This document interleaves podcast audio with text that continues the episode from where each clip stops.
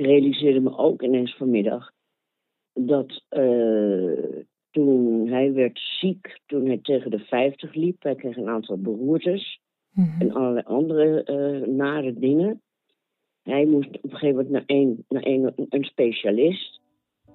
En toen vertelde hij me dat hij dat heel vervelend vond, omdat hij een uh, eh, SS-bloedgroep tatoeage onder zijn arm had. Mm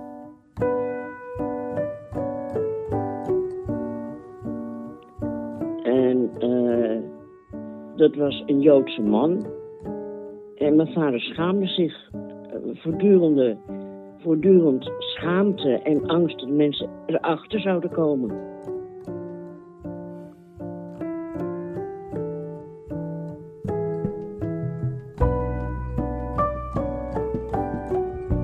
Je luistert naar Utrecht in oorlogstijd. Van vervalste persoonsbewijzen tot Duitse administratie en van illegale kranten tot oorlogsdagboeken, het Utrechts Archief bewaart duizenden archiefstukken uit de Tweede Wereldoorlog.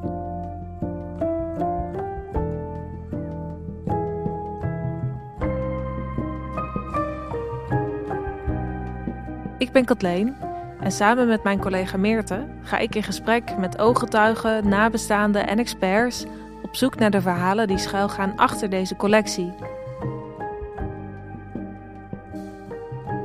In deze aflevering bespreken we de Nationaal Socialistische Beweging, de NSB.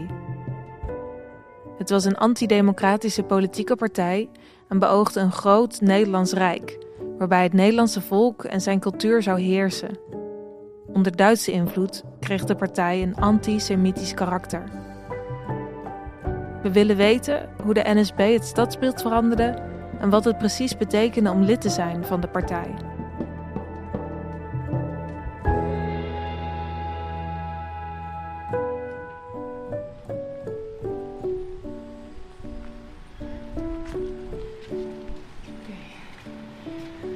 Uh, we zijn onderweg naar het Centraal Station, want we gaan naar Amsterdam, naar het Nielt. Uh, het regent, dus ik wil eigenlijk doorlopen. Maar jij houdt me toch even staande op het Domplein. Waarom is dat? Ja, we moeten inderdaad even. Want hier in dit gebouw waar we nu voor staan, op Domplein nummer 25, statisch gebouw, uh, bakstenen. Die, dit is de plek waar de NSB is opgericht. Waar Mustard dus met zijn compaan een handtekening heeft geplaatst om die beweging op te richten. Hebben wij eigenlijk veel NSB-archief in huis? Uh, nee, er is eigenlijk ook niet echt één NSB-archief. Want in de, kort voor de bevrijding raakten NSB'ers enigszins in paniek en hebben ze best wel wat materiaal vernietigd. En is het ook uh, verzameld door de politieke recherche en is dat allemaal bij elkaar gebracht, redelijk fragmentarisch ook. En is dat dus bij het NIOT terechtgekomen. We hebben wel trouwens ehm, heel veel foto's van de NSB in onze beeldcollectie. En één foto, ja, nu we hier toch staan, is uh, een foto in onze beeldbank waar je hier op het Domplein een enorme menigte mannen ziet staan. Dat zijn mannen van de weerafdeling, de WA. Uh, een tak van de NSB dus. En die staan hier in het gareel. Ja, ze, ze, ze beheersen echt het Domplein. Het is echt een akelige foto. Alleen maar mannen in zwart pak. En uh, dat hebben we dus wel, dat soort foto's en uh, heel veel meer foto's van de NSB ook.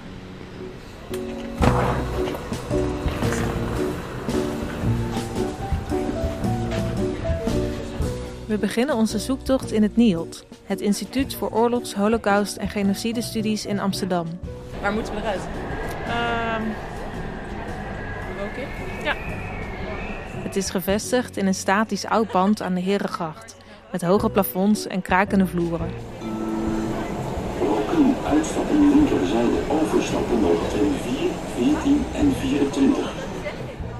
We hebben afgesproken met historicus Edwin Klein. Edwin is manager van Netwerk Oorlogsbronnen, een platform waarop vanuit verschillende archieven en musea bronnen uit de oorlog aan elkaar worden gekoppeld. Daarnaast schreef hij samen met Robin Tesla twee dikke boeken over de NSB. Een derde volgt. We vragen Edwin naar het startpunt van de beweging. Ja, nou, de NSB, eh, het is een hele interessante partij, omdat eigenlijk als je kijkt naar het fascisme, nationaal socialisme in Nederland... dan zie je in de jaren twintig dat er een heleboel kleine partijtjes zijn. Uh, ja, dat is wel eens samengevat als fusie en ruzie. Die lagen altijd met elkaar overhoop, stelden allemaal niet zoveel voor, hadden heel weinig aanhang. En de NSB is de eerste en tot dusver enige grote nationaal-socialistische partij die we in Nederland hebben gehad. Uh, opgericht in 1931, 14 december, in Utrecht. Uh, onder de Domtoren, uh, in een klein gebouwtje van de jongelingenorganisatie. Waar, heel veel, uh, waar eigenlijk heel weinig mensen bij waren bij de oprichting. Even uit mijn hoofd, ik geloof de 20 mensen of zo. En niet eens iedereen werd lid daarna. En nou, in 1931 opgericht door ingenieur Anton Mussert. Op dat moment een bekende ingenieur in Nederland die had besloten om zijn politieke ambities uh, verder uit te werken en vooral keek naar Mussolini in eerste instantie en daarna naar Hitler. En de NSB in eerste instantie gaat bijna failliet in 1932. Uh, dus ja, dan hadden we hier niet gezeten, zeg maar. Nog een jaar later dus. nee, ja, een half jaar. Na een half jaar uh, is er bijna een situatie waarin de administratie en alle kosten uh, niet meer kunnen worden betaald. Uh, maar uiteindelijk gaat dat net goed. En in 1933 belandt het in een enorme stroomversnelling, ook onder invloed van wat er in Duitsland gebeurt. En dan gaat de NSB van 1000 naar 10.000 leden, naar 20.000, tot het vooroorlogse hoogtepunt van 50.000 in 1935. En na 1935 zie je dus dat de beweging radicaliseert sterker antisemitisch wordt, nog meer naar uh, Hitler-Duitsland uh, toebuigt. En da daardoor verliezen ze weer een beetje aanhang. Dus dan zie je dat er voor de oorlog, laten we zeggen meidagen 1940, heeft de NSB iets van 20, 30.000 leden. Oké, okay, dus ze werden door de Nederlandse maatschappij voor de oorlog ook wel echt als een radicale partij gezien? Ja, zeker in eerste instantie vooral ook een protestpartij. En dat heeft ze ook op zich wel meer aanhang uh, bezorgd. Maar op een gegeven moment zie je wel dat de mensen die uit protest hebben gestemd ook op de NSB. NSB doet ook nog een keer mee aan de provinciale statenverkiezingen. En nog een keer aan de landelijke verkiezingen. En in 39 nog een keer aan de provinciale statenverkiezingen. Dan zie je dat dat, uh, ja, dat, dat steeds meer uh, afneemt, zeg maar. Maar dat komt ook door de toon die ze aanslaan die steeds radicaler wordt. En wat is dan voor de uh, normale burger, om het zo maar te zeggen, redenen geweest om zich aan te sluiten bij die partij? Ja, nou, de NSB uh, eh, kwam natuurlijk op in een periode van crisis. Hè. Begin jaren 30. In Nederland ging het ook economisch niet al te goed. Uh, de NSB belooft een veel betere maatschappij. Uh, weliswaar niet een maatschappij van gelijken, maar wel een maatschappij waar iedereen beter van zou worden. Waar het, de gemeenschap zeg maar voorop stond. De volksgemeenschap noemen ze dat zelf ook. En uh, ze boden ook wel een bepaald ideaal, zeg maar, waar mensen voor vielen op dat moment. En dat is voor ons heel moeilijk voor te stellen, maar dat is wel wat de NSB ook heel erg propageert. Van als je bij ons aansluit, dan word je deel van een groter geheel. En, uh, want we zijn er voor het Nederlandse volk. En uh, het individu is niet belangrijk, maar het gaat om het geheel. Dat is eigenlijk wat zij, uh, wat ze propageren. En daar, ja, daar zien veel mensen zien daar wel een toekomst in. en ja, andere argumenten. ja, op dat moment is het carrièreperspectief eigenlijk, als je bij de NSB gaat, niet echt heel gunstig. Want al had je een winkel, uh, niemand ging er meer naar je winkel behalve de NSB'ers. En dat waren er op dat moment niet zoveel. Uh, dus je had er eigenlijk best wel veel last van. Toen al, als je je aansloot bij de NSB. Ja, voor de oorlog dus. Voor de oorlog al. En hoe verandert dat uh, tijdens de oorlog dan? Um, in grote lijnen eigenlijk niet.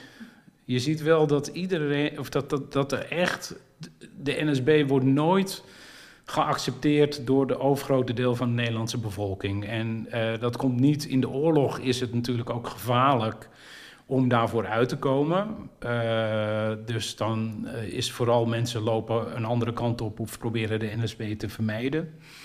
Maar, maar goed, voor de oorlog ja, zie je ook wel van ja, dan is het ook een hele geïsoleerde club eigenlijk. En uh, ja, ook heel erg in zichzelf gekeerd. En de, de sprong naar het Nederlandse volk, wat ze altijd willen maken. Want ze vinden zichzelf ook een, voorhoede partij, zeg maar. Die sprong, die, die maken ze nooit. En uh, dat heeft echt wel met hun enorme impopulariteit te maken. Komst van de leider. Aller armen strekken zich ten groet, terwijl de leider de trappen afdaalt.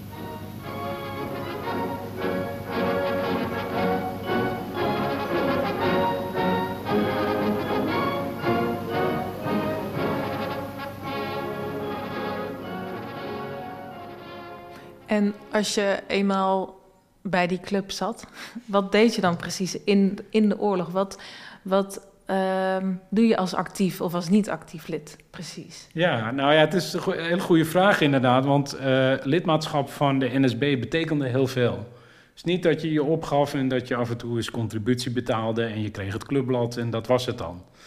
Uh, nee, er werd van je verwacht dat je colporteerde met volk en vaderland. Dat deed je natuurlijk op de markt, moest je naar buiten toe.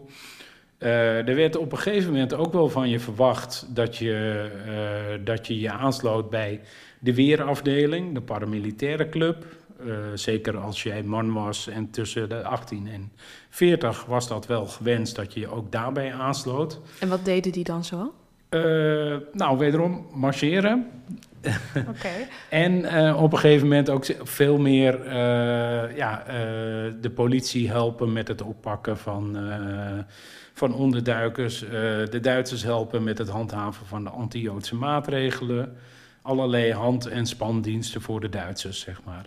En op een gegeven moment wordt de weerafdeling weer een soort voorportaal voor het Oostfront.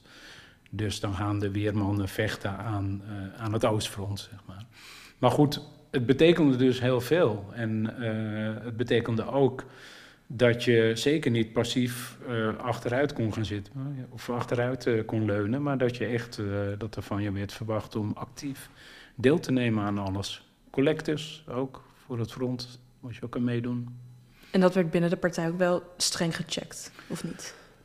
Uh, ja, zeker. Daar werd uh, streng op toegezien. Als jij uh, een paar keer niet kwam opdagen, dan werd er rapport opgemaakt. En dan moest, jij, moest je je gaan verantwoorden.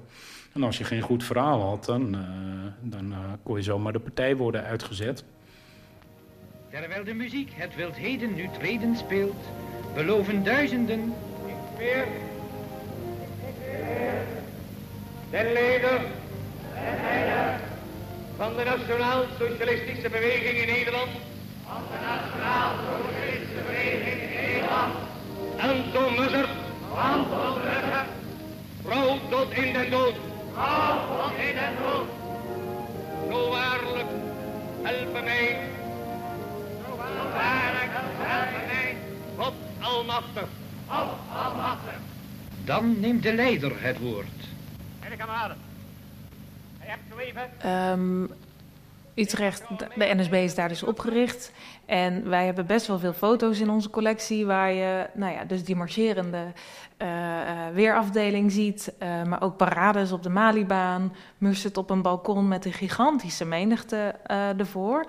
Um, ja, klopt dat beeld? Was, was, zag Utrecht er zo uit in de oorlog? Of hoe moeten we die foto's duiden? Ja, nou ja, dat is altijd dat is leuk als je daarover na gaat denken. Want het beeld dat eigenlijk iedereen heeft van de NSB... wordt gevormd door de propagandafoto's van de NSB. Ze hadden een fotodienst. En die fotodienst had ook allerlei instructies... om dit soort uh, bijeenkomsten op een bepaalde manier te fotograferen. Altijd van onderaf. En dat je dan een perspectief had dat het leek alsof er veel mensen waren... En, uh, en meer van dat soort dingen. En dat geldt ook voor de filmdienst, deed dat ook. Dus alle beelden die wij hebben, dan zit je inderdaad te kijken van... god, dit is gigantisch massaal. En, uh, en soms was het ook wel massaal. Want goed, als je een Haagspraak hebt en er zijn uh, 60.000, 70.000 mensen of zo... Dat is, dat is flink natuurlijk. Maar in andere situaties lees je ook wel terug in de verslagen van... ja, er waren helemaal niet zoveel mensen... En ze stonden een sigaretje te roken aan het achter, uh, aan, in het achterste deel. En uh, er was weinig discipline en zo. En dat zie je dus niet terug op die foto's. Al zijn het officiële NSB-foto's. En je ziet het ook niet terug op de beelden. Maar gelukkig hebben we ook hier en daar wel beelden die dan gemaakt zijn door bijvoorbeeld uh, amateurfotografen of amateurfilmers. En dan zie je opeens, ja, dan zie je de WA wordt dan gewoon een groepje met jongens die aan het revotten zijn en zo. Een beeld wat bij de NSB natuurlijk nooit in die bladen was gekomen.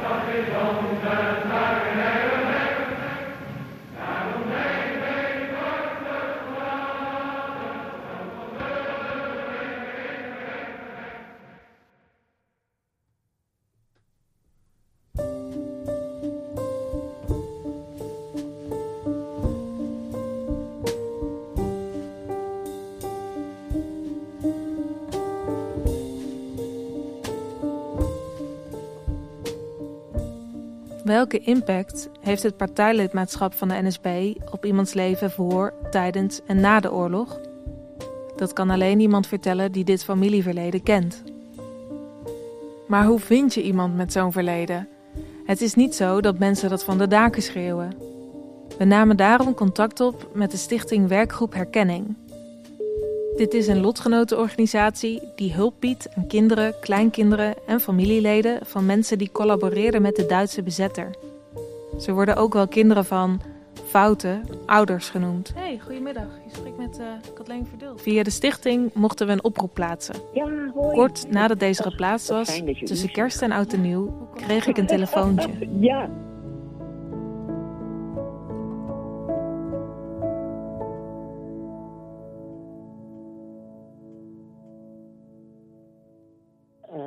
wat betreft deze kwestie, mijn vader vertelde het mij op mijn zeventiende.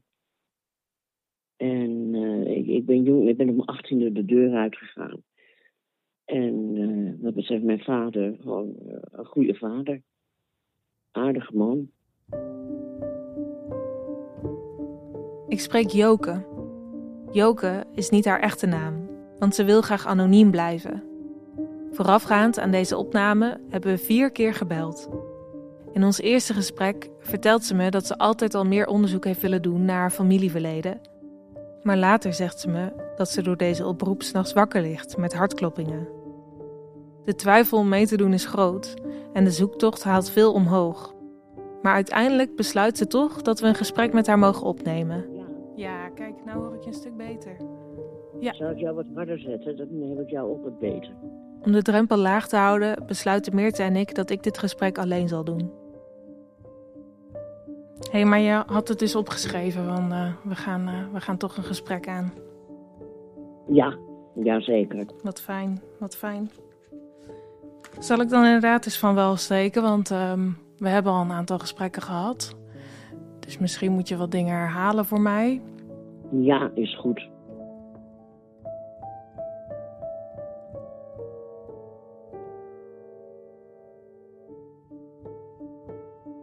Vader van Joke zat bij de jeugdstorm. Toen hij oud genoeg was, ging hij bij de Waffen-SS. In 1944 heeft hij gevochten aan Duitse zijde. Zijn vader, de opa van Joke, werkte bij de Utrechtse politie en was lid van de NSB. In het archief vind ik een paar stukken over hen. Ik vraag Joke naar het moment waarop ze voor het eerst te horen kreeg dat haar vader een oorlogsverleden had. En je zegt, uh, op je zeventiende vertelde jouw vader het. En wat was dat dan precies? Hoe vertelde hij dat? Nou, wel, wel voor zijn doen enigszins officieel. Dat hij wel vond dat ik nu een leeftijd had om, uh, om het een en ander te kunnen begrijpen. Of dat hij de tijd rijp achter. Ik weet wel, hij zei het niet even tussen neus en lippen door. Nee, het was wel een moment. Ja, hij nam er wel het moment voor. En zo gaandeweg vertelde hij steeds meer details en steeds meer details. En ik, ik informeerde er ook naar, omdat ik het wel wil, omdat ik het niet kon begrijpen. Dat, uh, zoals ik mijn opa heb gekend, dat het wel een onderlegde man was. En dat iemand, hè, ik, ik vond mensen die aan die kant staan, dat vond ik nou zo echt iets voor mensen die niet na kunnen denken, had ik toen bedacht. Hoe kan je nou zo'n systeem uh, steunen?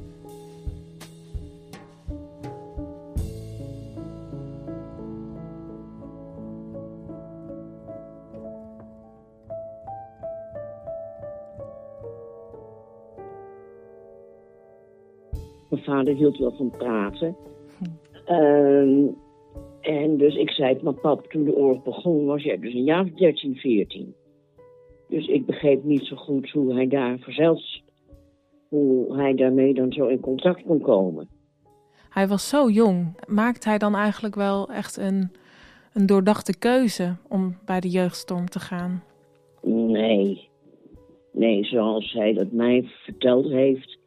Hij, was, hij zat op, eh, op gymnasium of op de HBS op de Keizersgracht in Amsterdam. Hij was volgens mij van de tweede naar de derde was hij blijven zitten. Zijn vader vond dat, zijn vader was boos en die heeft toen helemaal hem doodgezwegen binnen het gezin. En op een gegeven moment is mijn vader van school weggegaan.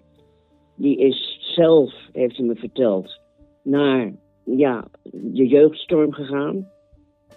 Heeft een jaartje gelogen, want hij was toen 15, wat ik begreep.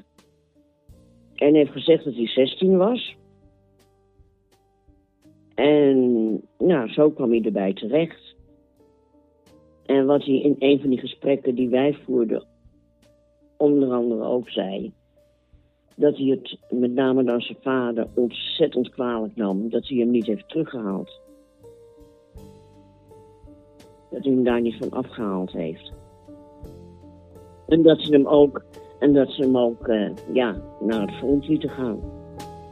Waarheen dan ook.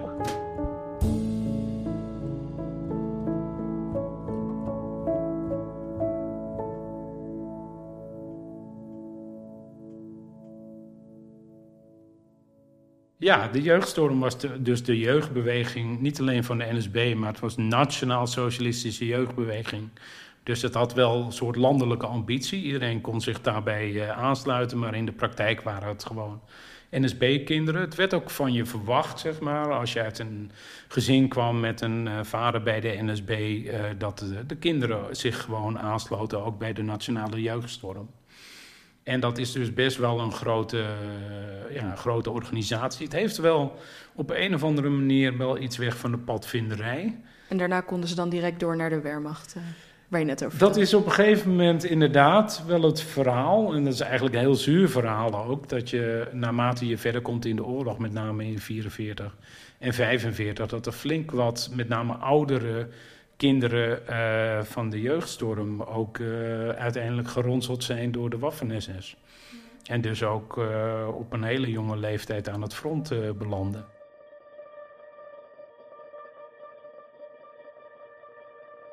Uit stukken in ons archief blijkt dat de opa van Joke een overtuigd NSB'er was. Zijn vrouw, die ook wordt vermeld in de stukken, hield zich niet met politiek bezig. Maar wel gaf ze toestemming aan haar zoon om bij de SS te gaan. Joke vertelt hoe haar vader na de oorlog buitengesloten werd. Ook Joke's eigen relaties met vrienden, op werk en in de buurt werden gekleurd door haar familiegeschiedenis.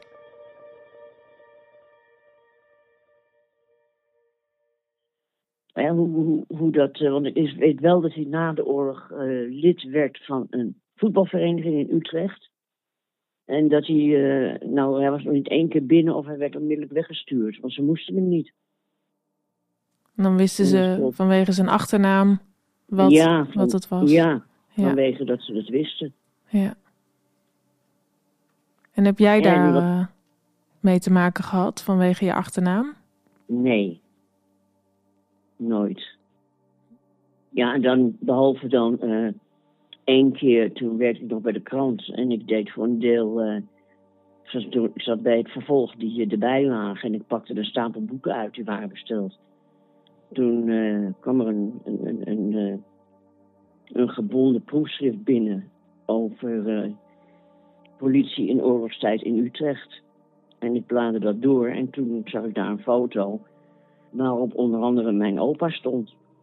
Met keurig onderschrift, met zijn naam genoemd. Ik denk, nou, ik was wel paranoia, ja. Ik denk, als ze dat zien hier. En ze vragen aan mij, is dat familie van je? Ja. Omdat ik dat toen wel, daar was ik wel bang voor. Ondanks dat ik weet dat er wel meer mensen zijn die mijn achternaam hebben.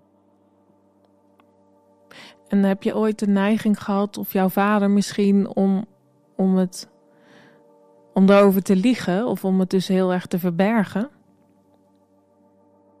Ik zorgde dat het helemaal niet aan de orde kwam. Dat hele onderwerp niet.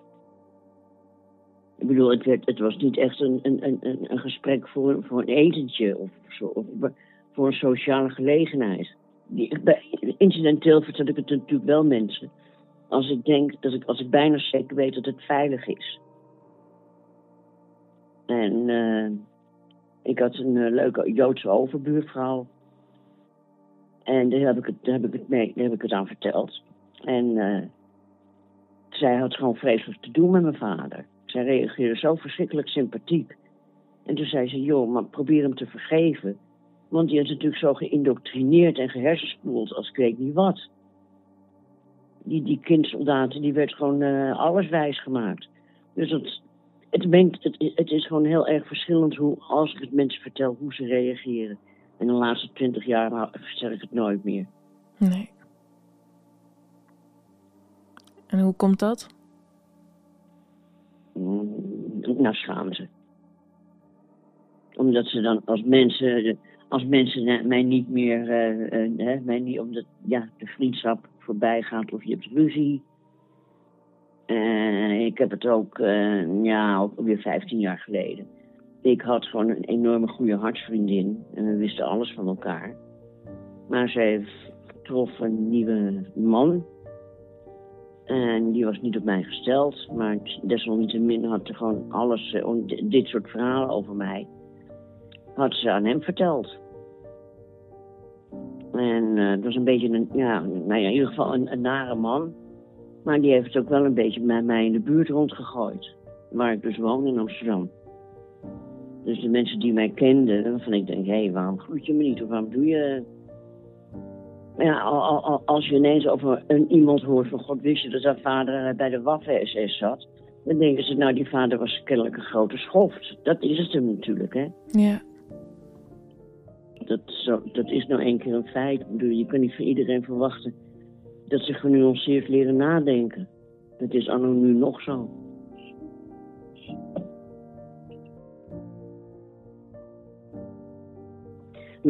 mijn voornaamste interesse voor dit natuurlijk is dat ik eigenlijk respect heb voor mijn vader. Dat hij nog zo'n redelijke, een beetje absurde, vrolijke jongen is gebleven. En die eigenlijk toen, doordat hij die beroertes kreeg, toen stortte hij compleet in. En toen kwamen die verhalen ook helemaal los. En tegelijkertijd uh, bleek dat hij ook in die tijd in therapie was, onder behandeling. En ik woonde toen op mezelf, maar nou, achteraf kon ik dat een beetje zo recapituleren. Dat in die periode ook mijn vader heel erg met mij begon te praten daarover. Omdat hij het met die psychiater daar niet over durfde te hebben. En uh, ja, en toen kwamen dus al die details van, van nou ja, die tattoo en, en, en uh, ja, uh, dat, dat, dat, dat, dat die 35 of 33 kilo woog in 1946. En, uh, ja. Heb, heb, jij die en, tattoo gezien? Ja. Kende je, herkende je het toen je hem voor het eerst zag? Nee, helemaal niet. Ik, ik dacht altijd dat het een soort bloeduitstorting was of een een rare blauwe vlek. Ik legde die associatie helemaal niet. Het was ook niet.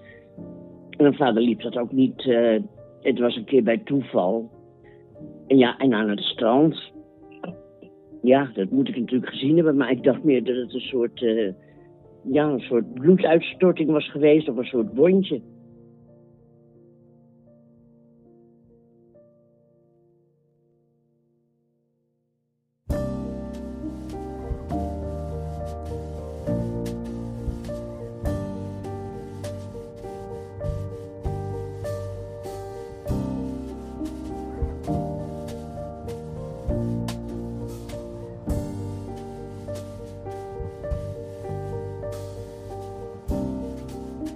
Edwin legt ons uit dat kort na de bevrijding Nederland in staat van beleg was. Het militair gezag neemt het bestuur tijdelijk over in naam van de Nederlandse regering. Mensen die ervan verdacht worden aan Duitse zijde te hebben gestaan, worden opgepakt. En wat ze in eerste instantie hebben gedaan is op basis van lijsten, onder andere uh, verstrekt door de regering in uh, Londen, maar ook gewoon lokale lijsten, hebben ze een heleboel mensen opgepakt. Uh, waarvan werd vermoed dat zij lid waren van de NSB of op een andere manier hadden gecollaboreerd of op een bepaalde manier hadden geprofiteerd van de oorlog. Die mensen werden massaal in geïmproviseerde kampen uh, gezet. Er waren ontzettend veel kampen. Ik, volgens mij heb je het echt over, ja, tegen de, wat was het, 130, 140 kampen. En dan moet je je voorstellen, schoolgebouwen, kazernes, uh, nou, ook industriegebouwen, noem maar op. Die werden daar allemaal voor gebruikt.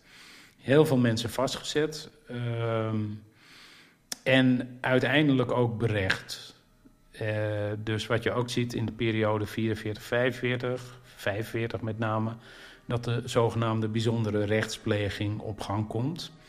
En dat is een totaal nieuw rechtssysteem bedoeld om, uh, om mensen te berechten die ervan verdacht worden hulp te hebben verleend aan de Duitsers of te hebben geprofiteerd van uh, de oorlogssituatie.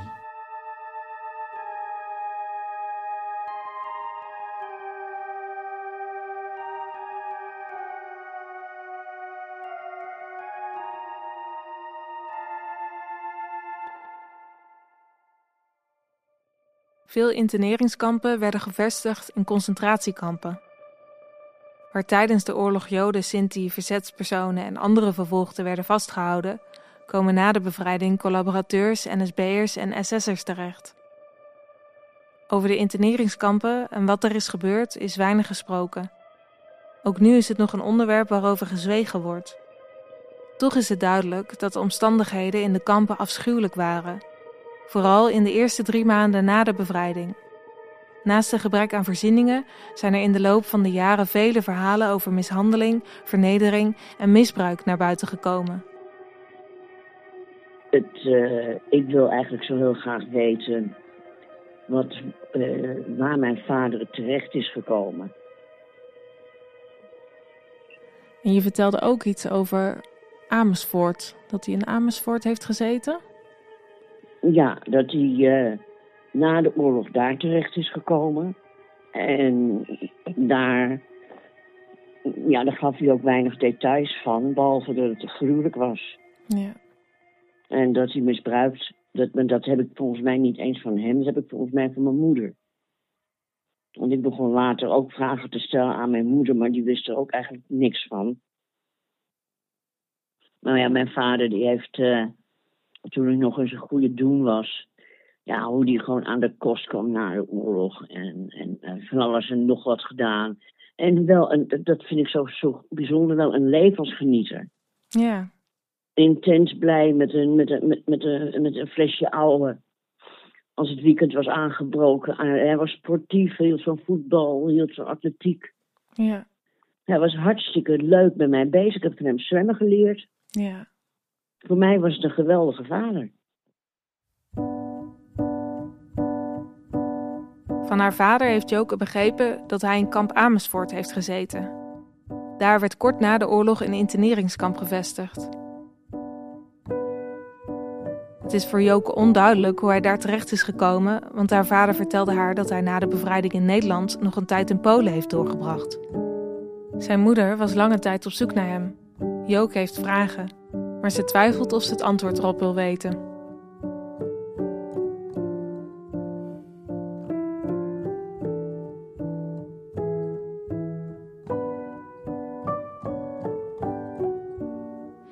Ehm, en je merkt wel aan jou dat je het graag wilde weten. Het is niet zo dat je denkt: ik hoef het niet te horen en ik wil er niks mee te maken hebben. Nee, nee, ik was uh, ja, ik, het goede woord weet ik niet. Ik, vond, ik, was, mede, ik was en nieuwsgierig. En uh, ik had heel erg moeite met het, met het feit dat mijn vader nog zo jong was. En uh, ja, en ja, ik, kan het, ik, dat kan ik gewoon nog steeds goed onder woorden brengen. Dat als ik er bij mezelf over nadenk, of ik heb het er in beperkte kring over, dan word ik ook zoiets van, ja, maar hoe schuldig is iemand die van, die van 1926 is? Ja, ik kan me voorstellen dat dat blijft knagen of iets. Jawel, mijn, mijn man, die, mijn, mijn, mijn vriend, mijn huidige man, die ken ik al 50 jaar. En uh, ja, we hebben het natuurlijk vroeger natuurlijk met hem ook over gehad. Maar die zegt op een gegeven moment, zet het van je af of accepteer het en ga er echt voor. Maar ga niet en je erin verdiepen en vervolgens je heel depressief hierover voelen. Maar volgens mij doet het me eigenlijk best wel goed. De mensen die ik nu ken, of die nog in leven zijn, uh, eigenlijk zou het me nu eigenlijk niet meer zo gek, heel gek. Ja, ik heb af en toe van die soort nacht, nachtmerrieachtige gedachten. Dat ik in een heel paranoïde bejaardentehuis terechtkom. Waar ik nu toch word bestookt door andere oude dibbers. Die zeggen, ja, jij en je opa. Hm. Dat zijn echt angsten die je hebt. Ja, nou ja, een soort parano paranoia. En ik denk, als ik dit allemaal niet had geweten had ik me misschien wat vrijer gevoeld. En wat zelfverzekerder. Ja. En wat meer overtuigd van mijn eigen kunnen. Ja. Nou ja, nu gaan we afsluiten. Oké. ik schreef even een borrel in, want het is vrijdag.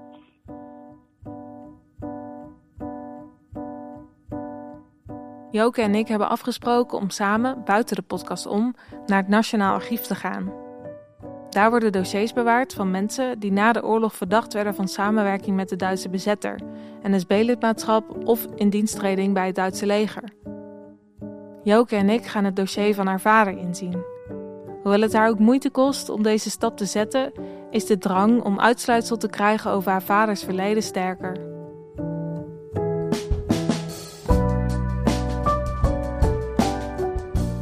Bedankt dat je hebt geluisterd naar Utrecht in oorlogstijd. In deze podcast gaan we op zoek naar de verhalen achter de collectie van het Utrechtse Archief. In de volgende aflevering hoor je meer over de Jodenvervolging. Abonneer je in je podcast-app om geen enkele aflevering te missen.